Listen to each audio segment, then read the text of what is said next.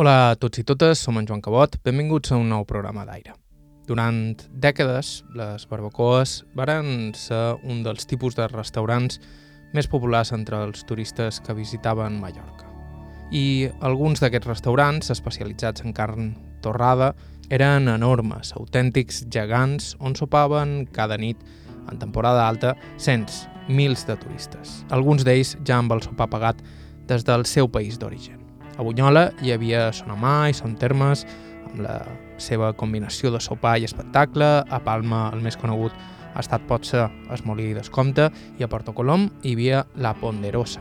I a La Ponderosa, durant 14 anys, l'encarregat de que aquelles 700 animetes sopessin cada vespre era Miquel Berges, que ara viu retirat i tranquil passant els hores baixes en Espoput, la seva finca, que és on l'entrevistam. Berges ha tornat a la Fora Vila, d'on provenia. De fet, va ser l'enginy pagès el que el va convertir en un director de sala tan eficient. I això que de petit havia estudiat ben poca lletra. Anava una tenda a guardar espars i una tenda a escala. A veure cervesa, a veure de matí. I qualque vegada, quan el dia era més llarg, el de matí antes d'anar a escala anava a guardar espars i cervesa, quan sortia d'escala, anava a guardar espars. Era, era la vida de llevar, perquè no hem viscut sempre com ara.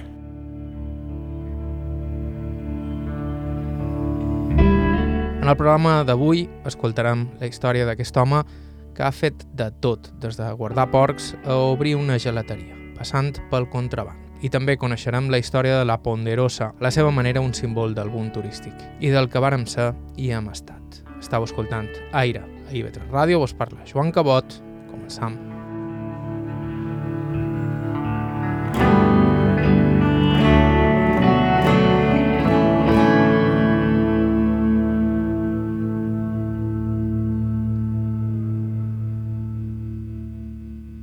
I ho fem amb en Miquel, assegut a la seva finqueta de Sant Provenç, Falanich. Ell va néixer lluny d'allà, a Maria de la Salut. El seu nom complet és... Miquel Berges Fons. Jo vaig néixer dia 3 de maig del 37. Vaig néixer a Maria de, de la Salut.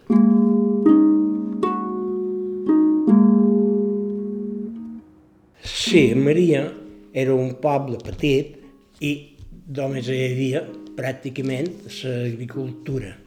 Hi havia un ferrer, hi havia un fuster i hi havia unes botigues, can se suport, amb menys categoria, de, amb menys farsa de, de les avui, però hi havia un pot de tot. Era feina industrial pràcticament en res. Ni hi havia estrangers, ni més que es far viles. I mon pare tenia unes finquetes, un, i cuidava aquelles finques i si li sortia un jornal de qualque cosa, també el feia. I, i anàvem fent d'aquesta manera. Son pare i sa mare tenien moltes criatures de les que cuidar. En total, vuit fills, que no són pocs. Era mon pare i mon mare i vuit germans, que jo vaig ser el darrer. Era, som, o sigui, era el més jove, ara ja som tots sols. Les primeres eren germanes, i abans n'hi havia una que mos guanyaven de dos anys, jugàvem molt pliats, i les germanes me, me tenien com si fos una pepeta, d'una salt, d'una salt, i me feien cases, el que fan més o menys els, els petits, o sigui, la gent jove. Un pare era un home de poques paraules, però crec que era una bona persona. El que prometia ho donava la gent del poble, els que el coneixien, més o menys, se duen bé, teníem un puesto a, a Far Vila i tot enrevoltat de casetes d'aquell temps. I un veïnet tenia un pou i nosaltres en teníem un altre, però se, com, se comunicaven un amb l'altre. I el veïnet tenia un motor i nosaltres teníem una cine que rodava amb una somera. I el veïnet de Joan, si és de regar, regia, que llavors jo posaré el motor en marxa. I si teníem qualque cosa que nosaltres no la teníem, ens fèiem com intercanvis, te diré. Intercanvis sense mirar prim en res. Nosaltres eh, aquí a Can Dit tenien el pou i fem hortolisses. I el dijous mon pare anava a fer plaça a Inca. Si un preves, si un aubergine, bé, hortolisses. De, de tota classe d'hortolisses. I mos mantenia aquesta, aquest hortet, perquè teníem una vaca, teníem un parell de trutges i teníem animals i anàvem fent d'aquesta manera. Jo, eh, com a set o vuit anys, ja guardava les trutges. En aquest temps, no, en aquest temps eh, era més a Maria que fora a Vila. Però en l'estiu me deien, Miquel, quan et sol sigui així dalt, vine que t'anés d'anar a escala. I mai me van acompanyar en el cotxe a escala. Me rentaven un poc i me deien, cor que faràs tard. I jo que em potrà dir això de cap escala. A peu jo crec que aquí estava com a mitja horeta. La finqueta aquesta està a la carretera d'Ariany a Sineu, més o menys a dos quilòmetres i mig de les torres, del restaurant les torres. Jo no record ara exactament quin temps que estava, però ja crec que com a mitja horeta, Campo Travieso i tira per munt. Quan que eres petit, del que era, era els altres feien altres feines, ja, ja més, més. Tenia un germà que m'orgonyaven de 4 anys i jo guardava les trutges i el germà guardava la vaca, que llavors per torrents, per els camins, per tots aquests puestos, podien pasturar els animals. Dues trutges i normalment quatre o cinc porquets més, més petits, que eren els que llavors engreixàvem. Teníem per fer les matances a Nostra i els altres les veníem, que era una manera de treure qualque cosa. Perquè llavors teníem altres trossos i em venia des dels últims de maig ja seguaven les faves, seguaven els sembrats i ja anava a pasturar les, les trutges i els porcels quan havien llevat les gerbes. Els veïnets, com he dit que, que morduen bé, Miquel, si vols anar allà, ja m'han enduit les gerbes. I així.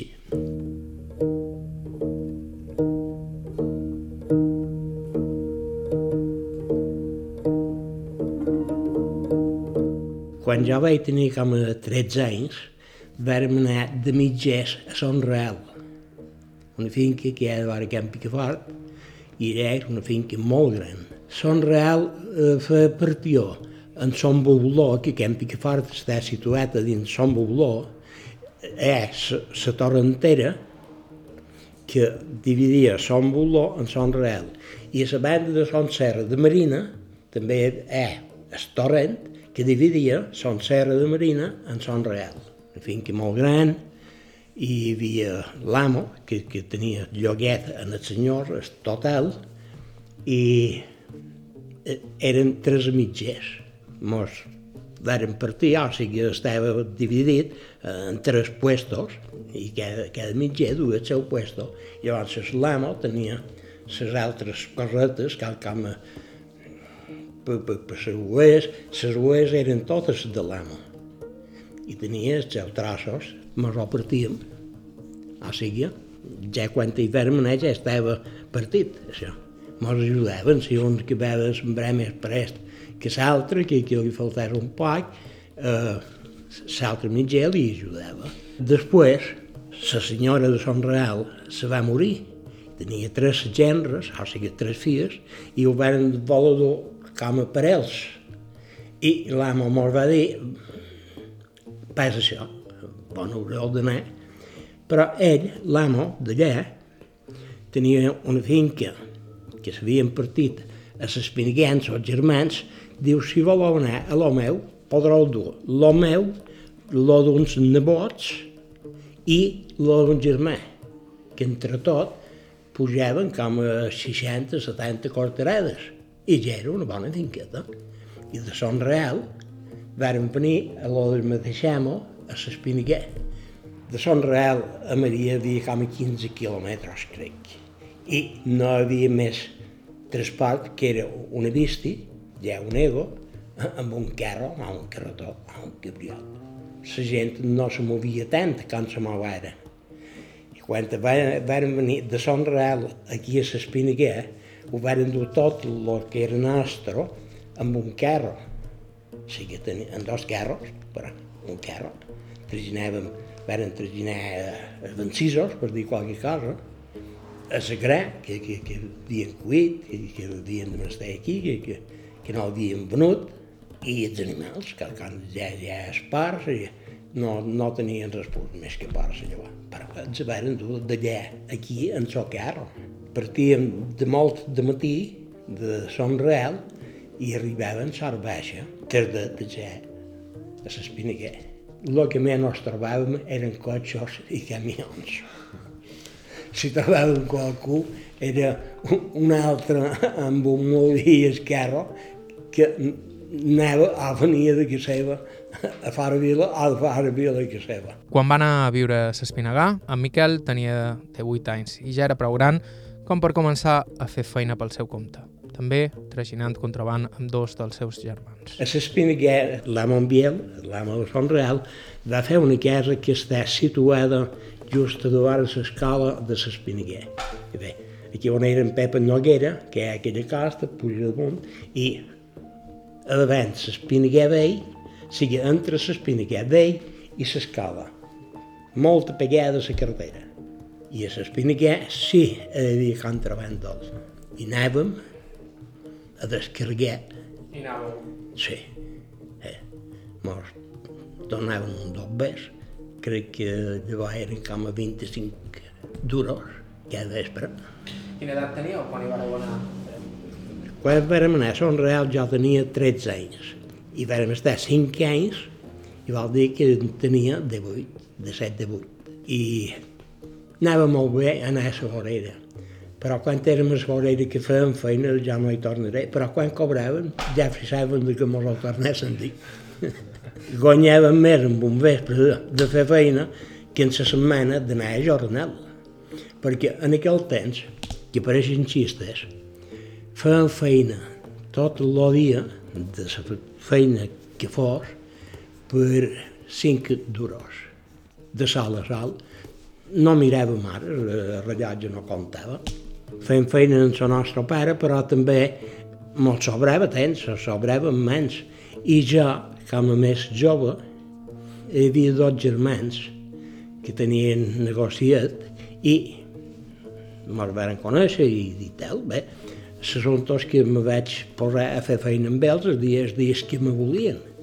Un dia anava amb en Joan, o economia Joan, i l'altre Bernet, i ells deien, pots anar amb en Joan, pots anar amb en Bernet. En Bernet feia volta de llet llavors, recollia la llet de les cases, i ell feia amb una camioneta que tenia a un, a un puesto i ja amb un cavallet feia la recollida a un altre barri, que, que el camionet tenia més mal per passar. I quan arribàvem a, a casa seva, passaven la llet que ja havia recollida eh, a la camioneta i ell la duia aquí a la fàbrica del formatge del torrent. Només de fer la volta aquesta havia guanyat set pessetes set pessetes i la seva dona, la senyora, era la mestra de l'escala dels Puig de l'Anà. I hi havia un, una dona que li deia la Francisca, que li ajudava, tenia dues nines i li ajudava a fer, fer de, de criada i m'esperaven per berenar. I jo berenava amb elles i quan havia berenat havia guanyat set pessetes. Que fent feina tot el dia, no els guanyaven era una bona feina. I en Bernet, per estar més segur de que anava a fer feina, volia que anés a romandre a l'escala dels Puig de l'Anà. I el matí m'aixecaven tots dos i ell estava tranquil de que jo sortia. I el seu germà Joan feia cama de mercader, un poc de mercader, i, i allò feia un pot de llenya, feia un pot de tot. En Joan va servir bastants anys que davant hi havia educació i descans.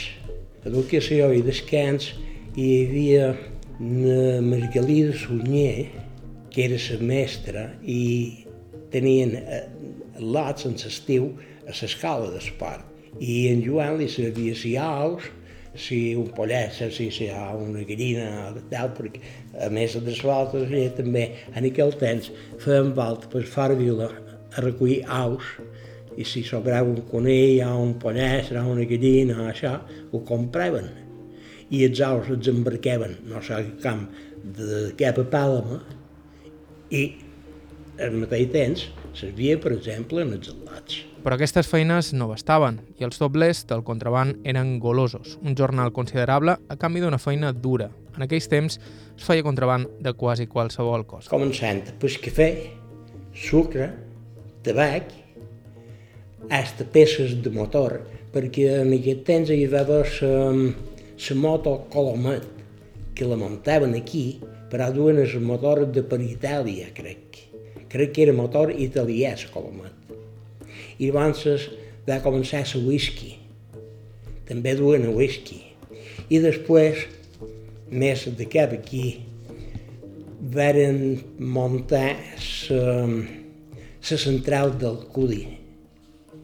I crec que la instal·lació de tot en Mallorca ho posarem un 30 o un 40% de descaure que varen dur el varen, el varen descarregar de contraband d'aquí.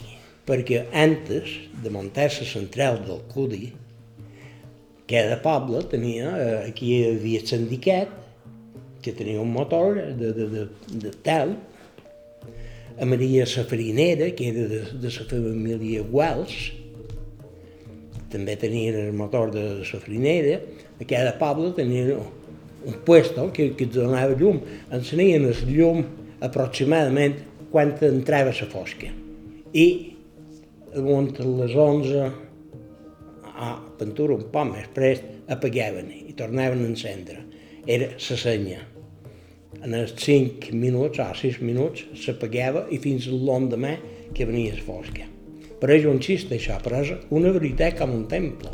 Així que sí, segons Miquel Berges, que probablement sap del que parla, part d'aquella primera estesa de corrent elèctrica des de la central d'Alcúdia es va fer amb coure provinent del contraband. Pentura un 30 o un 40% se va descarregar entre aquella morada i una aquella...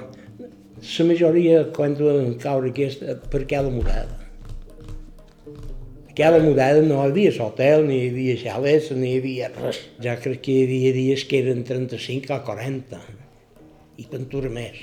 Si mateix triaven un poc que la gent. Nosaltres érem els tres germans, ja era més jove i tenia com a 18 anys, posant 18 anys, fins als 21, que vam estar a l'Espinaguer, i ja era més petit de que nostre, de, dels tres germans. Tenien força.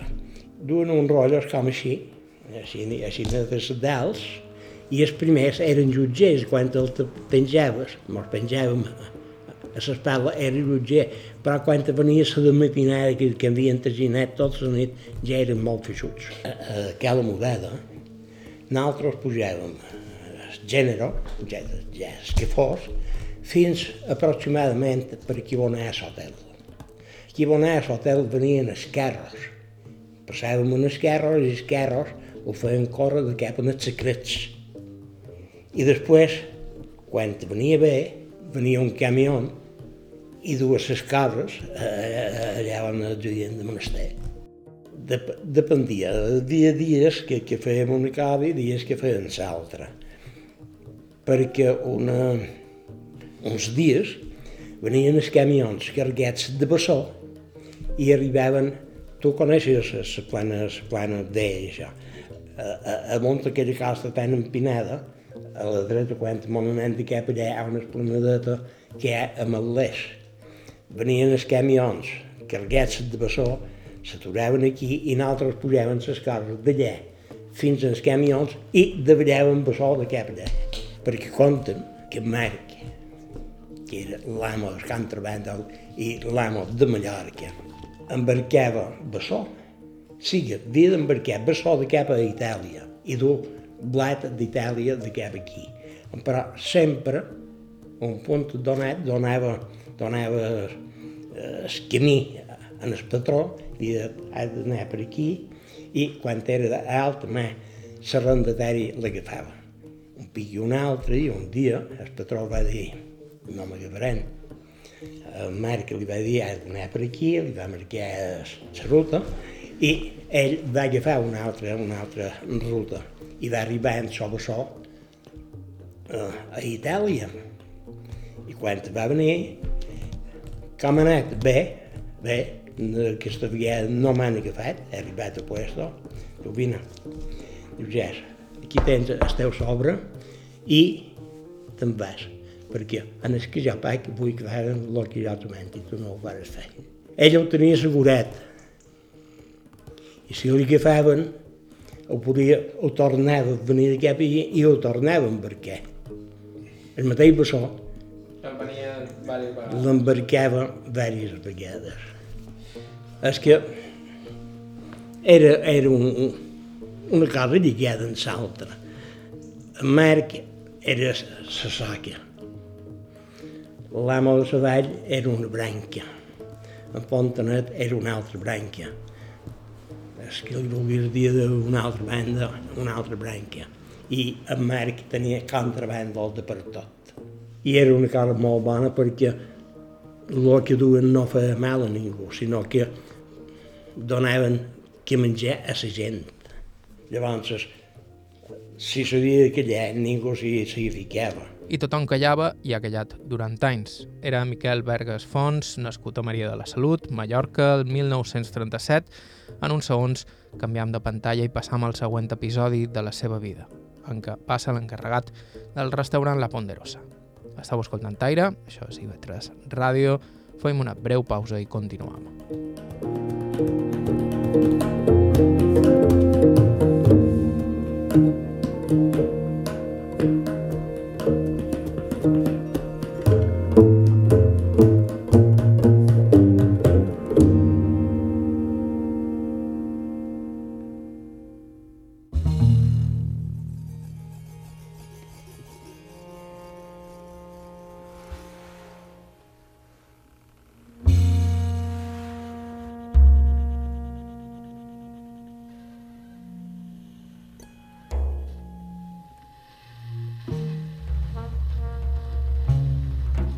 Hola de nou, som en Joan Cabot, això és Aire a IB3 Ràdio. Com sempre, abans de continuar, vos recordam que contínuament anem a la recerca de testimonis, així que si coneixeu personatges interessants, gent amb històries de vida que penseu que val la pena conservar, com el nostre entrevistat d'avui, ens podeu escriure a aire.ib3radio.com, el nostre correu electrònic, on també ens podeu enviar altres comentaris o suggeriments. Vos recordam, així mateix, que vos podeu subscriure al podcast del programa a qualsevol de les plataformes disponibles i que moltes d'elles podeu deixar valoracions que ens ajudaran a arribar a més gent.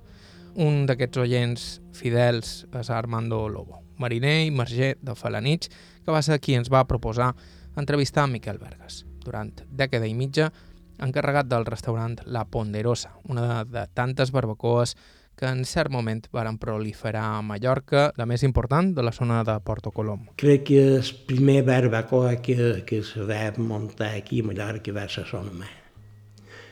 De Sonamà són termes, de són termes Molí d'Escanta i així. Llavors són Sant Martí, la Gruta i la Ponderosa. La Ponderosa va ser de, de l'Odre. I la Ponderosa va néixer de la següent manera. Eren com cinc socios. Cinc socios que potentats, més o menys. I don Guillem Marcel va establir Can Guià. I tenia Can Guià i Can Cicerol. Va establir Can Guià i don Miquel Nicolau va comprar unes parcel·les, crec que eren quatre parcel·les que va comprar. El senyor Nicolau era l'amo de l'hotel Càlada. Llavors hi havia don Pedro Sales, que també tenia un xalet per Càlada. Hi havia el senyor d'Ultramàs Pres i, i, i Hotel, que també tenia un xalet per Càlada. Bé, s'hi juntaven I quan vam comprar aquest terreny, el senyor Nicolau era l'amo de, de l'hotel que era allà, i el senyor dels Puigcerars, que també tenia un xale perquè allà, i el que feien, anaven a fer la tertúlia un lloc a l'altre. I vàrem pensar de fer, de muntar un barbacoa, però un barbacoa per ells. A la Ponderosa, aquests terrenos els havia comprat el senyor Nicolau. I vàrem començar com de per riure. La Ponderosa va, va començar en el menjador número 1, la cuina, puesto el bar i, i per us de contar i se varen posar a fer feina. Ja dic, varen començar per ell, però llavors si ho fèiem un poc més gran i posaven un matrimoni i tal, i, i si volia venir qualcú, i, i d'aquesta manera va començar la Ponderosa, que és el menjador número 1, té com a, ah, tenia com a 230 places. I van fer l'any aquest, el primer any, la primera temporada, només en el menjador aquest i fèiem, vam fer crec que com a dos altres dies de barbacoa en, en grupets. L'any de davant, crec que no estic segur, que vam fer el menjador número 2. I més o menys ja va venir un poc més de gent, però al principi de l'any Varen tenir un director que no en sabia més, molt bona persona, però no en sabia més. I no va voler escoltar que en sabien un poquitín, que, que, que en sabia un poc, molt poc, perquè havia fet els dies de, de l'any antes, era jo. I no va voler escoltar. Va ser de res. Se'n va anar, el varen treure de fora, o sigui, el varen eh, despedir, i va venir de director d'Antoni Mir, que era un senyor per Palma, ens vam entendre molt bé, vam conversar. Ell i jo. Sí que se va presentar a tot el personal i diu, ja som un mes de la plantilla i hem de mirar si entre tots feim de que això funcioni. I quan vam conversar, ell i jo vam anar a les oficines i jo em vaig dir, vos puc explicar les meves idees. Diu, encantat, diu, perquè jo no tenc ni la més petita idea. Vam conversar, ja li vaig dir, dic, mira, aquest temps passat han tingut les dreces que han tingut perquè teníem com a 150 clients i preparàvem menjar per cent i que veuen les teades antes de donar menjar a tothom. I la meva idea és que si tenia com a 150 reserves, fer per 100 75. I si, si queda algo, mos serveix per l'endemà. Traiem el primer. I si venen passantes, que llavors venien passantes, ho poden servir sense cap problema.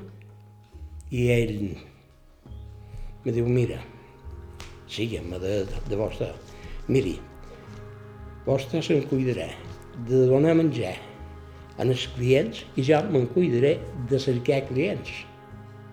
Diu, si un dia hem de tirar una porcella, no passa res. Si un dia hem de tirar 100 pollos, no passa res. Però si un dia me'n falta una teada de pollo o una teada de porcella, sí pot passar. Diu, perquè com hem de contentar i deixar conforme un, un, un senyor, una persona, que li han cobrat per dar-li sopar, si no, n'hi donem crec que és una cosa molt, molt acertada. I d'aquest dia ho van fer així. Ell se'n va cuidar d'anar a conversar amb les agències, d'organitzar els dies i, i tal. I jo va, vaig agafar eh, aquest tiranyada de, el migdia agafava reserves i quan tenia les reserves deia, mira, avui tornem tants de pollos i tornem tantes de porcelles. I els torradors feien el que jo els deia. I d'aquesta manera la Ponderosa va pujar com l'espuma. Ens vam veure obligats a fer un altre menjador, que en els dos, en el primer, número 1 i el 2 tenien 400 places, llavors van fer una altra, que és el número 3, que té com a 340 o 50 places. Perquè allò, segons com muntaves, perquè podia muntar, tenien taules de 3 metres, crec que eren. Podia muntar a 12 per, per taula, a, a 14 per taula. Segons les necessitats muntàvem. I el temps que varen fer feina don Toni i jo, la Ponderosa va, va agafar molta de fama perquè feien bodes, comunions, i llavors se casaven ara, ja, ja no se casen i, i no fan bodes. I, i d'aquesta manera teníem unes 700 places i de vegades mos venia just.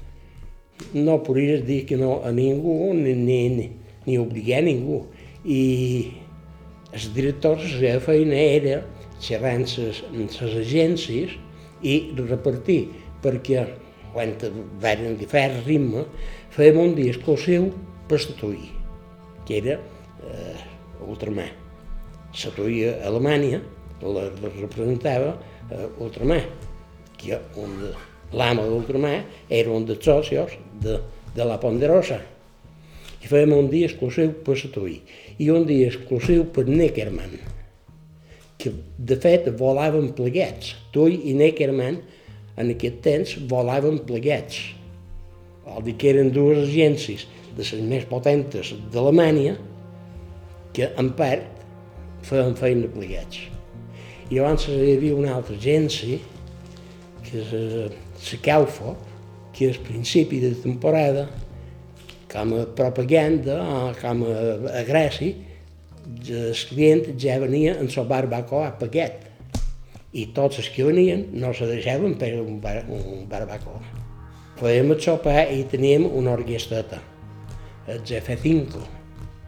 GF5, llavors van anar tornant grans i van elements se van retirar, però en parlaven on anaven al seu puesto i van seguir a Sant GF5 fins al final de, de la Ponderosa. En Miquel i la seva dona van ser allà des del primer dia.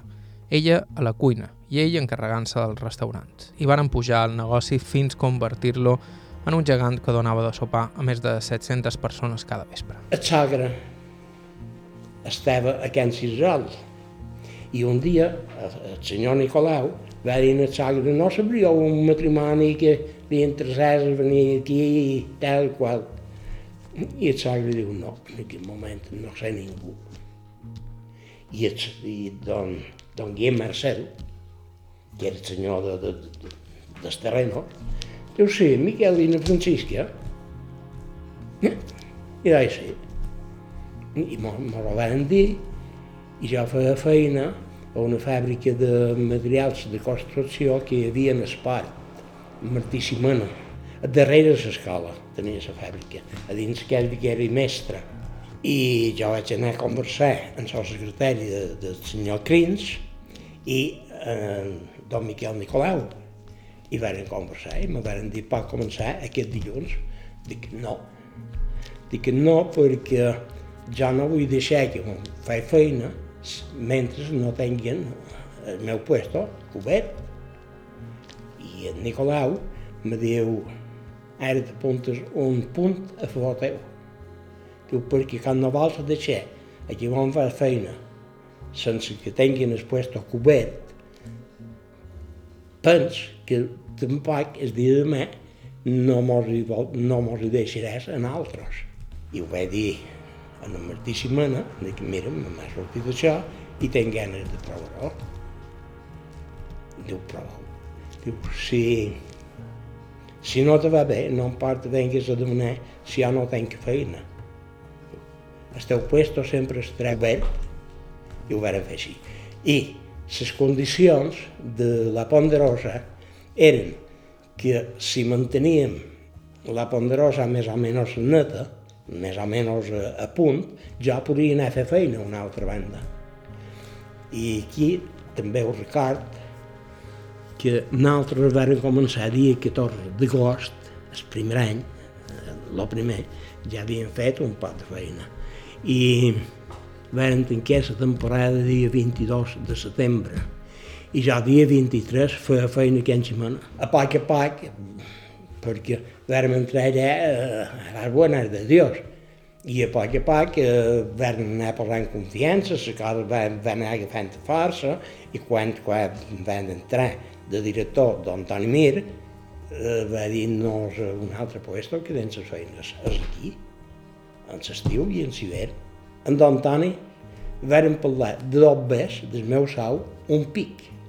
No en varen parlar per mai. Jo no vaig demanar mai un cèntim d'ajuda, eh, o sigui, de més de sou, i ell me deia, mira, quan venies a començar la temporada, ja preparava ja camarers, els torradors i tal. I me deia, pots pujar un duró, dos durós, a 50 fresca, i quan venia l'hora, conversàvem, com pensa, bé, eh, els camarers tenen que els mateixos de l'any passat, eh, amb aquestes condicions, ella me deia per vostè, dic, no he pensat res, ja per, per ja. I ell me deia, mira, la vida ha pujat això, que, què t'apareix si pugem això? Perfecte.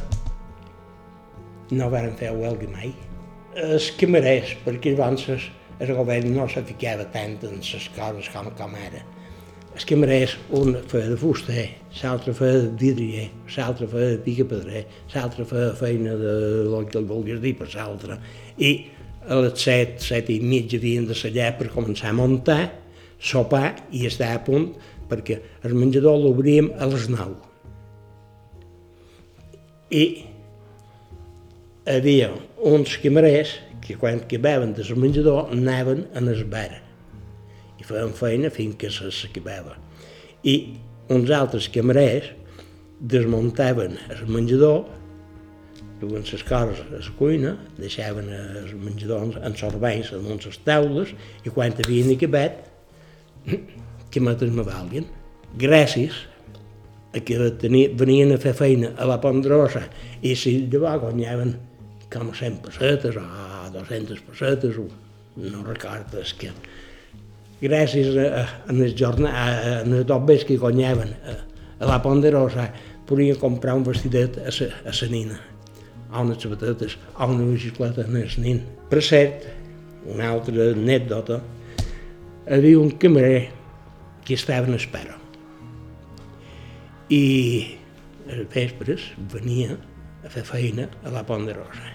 Però aquest camarer en de dia feia feina de pica pedrer escarada. De velada a la Ponderosa. I en la nit, de guàrdia de nit en el ponent. I jo un dia li dic, i tu no estàs empaguit d'estar en espera, venir aquí, pica pedrer, tal, qual. Diu que tenc queixes d'això. Dic, no, no, perquè servia la taula més llarga del menjador número 3 que tenia 90 places. Els altres li ajudaven quan havien acabat la seva taula. I me diu, gràcies a això me faig una guerra. Diu, quants n'hi ha que cobren 500.000 pessetes cada mes i no foten res? Dic, tens raó, segueix. Quants anys hi vareu estar a la Ponderosa? 14. La Ponderosa la van lloguer eh, en en Grimalt. Supos que vareu veure eh, era la Grimalt.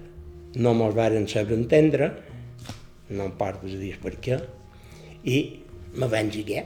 I vaig anar a l'hoguer del pensionista, d'aquí. Vaig estar tres anys a l'hoguer del pensionista. Però no mos trobàvem massa gust, perquè tenien les nines petites, tota gent major com que el cançó ja era. Era un ambient per les nines que no els agradava.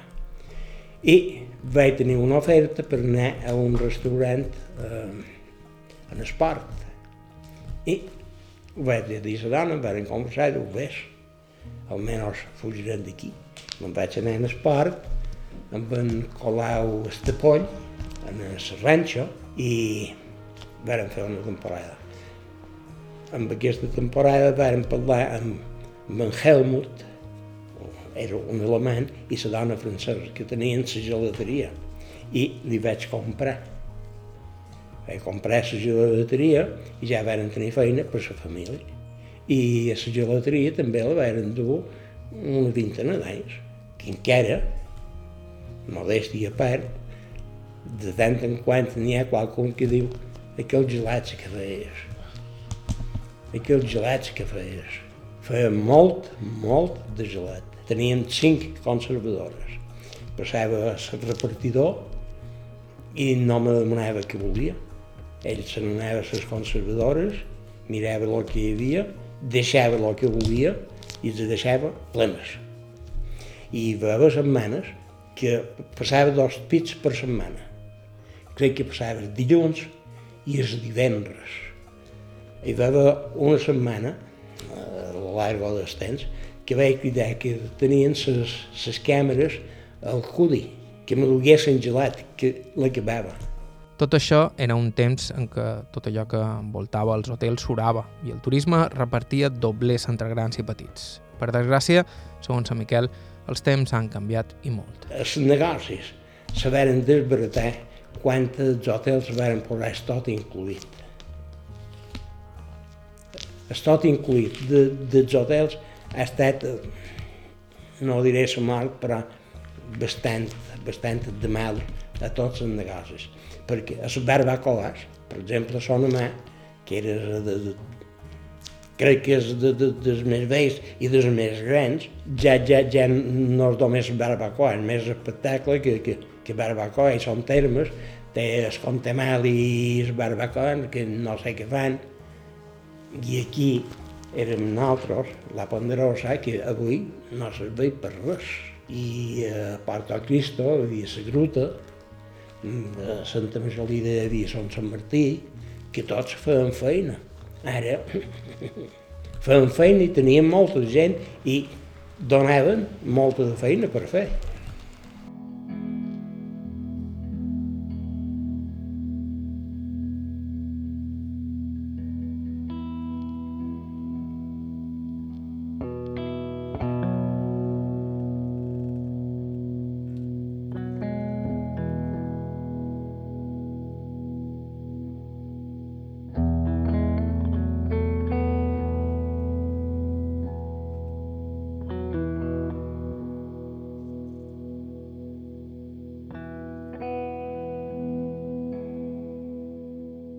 Fa prop de 20 anys que Miquel Bergas viu retirat i ben tranquil. De fet, l'entrevistam en Espuput, la seva finca, on passa els capvespres donant un poc de menjar a les gallines i cuidant de l'hortet. A que nostra vam fer de fora Vilés fins que vaig tenir ja 20 anys, o 21, que vaig fer servici a Melilla. El fora Vila, per viure de fora Vila, no m'agradava. En pare, mon pare, quan va ser major, que jo vaig venir del servici, me'l va partir. I va dir, ara, crec que m'he guanyat el descans i feia feina d'altre, molt bé. Quan jo vaig venir del servici, cadascú va agafar la seva vida i jo vaig seguir fent feina amb els dos homes aquests que he parlat de la llet. I els germans se'n van anar cadascú a, la seu. Jo per viure de fora vila no m'agradava i vaig agafar un altre, un altre camí.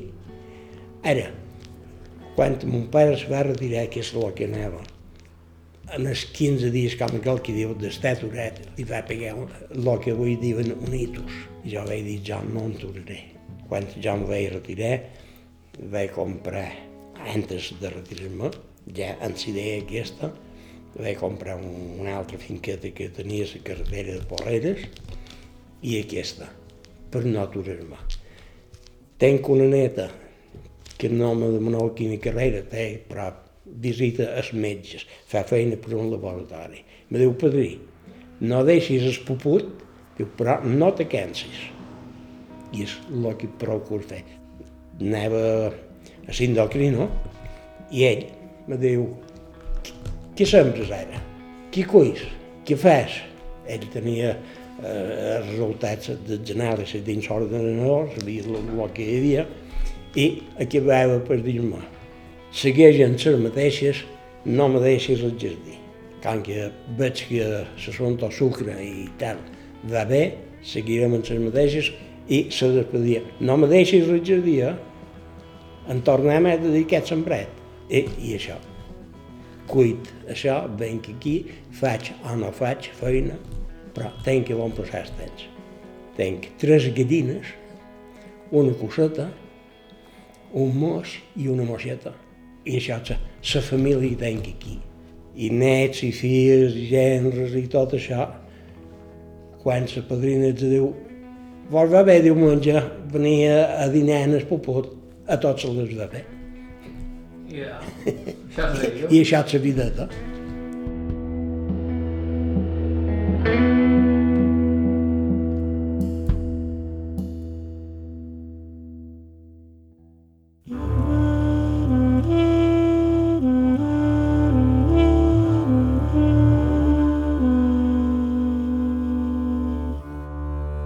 fins aquí el programa d'avui. Moltíssimes gràcies a Miquel Bergas Fons pel seu temps i moltes gràcies també a Armando Lobo pel seu suport, l'anís dolç i la proposta d'entrevista. Ja sabeu que si voleu fer com ell i proposar-nos alguna entrevista ens podeu escriure a aire.ivetresradio.com en breu viatjam a Menorca i a les Pitiuses, així que si ens voleu escriure per fer alguna proposta des d'allà estarem més que encantats.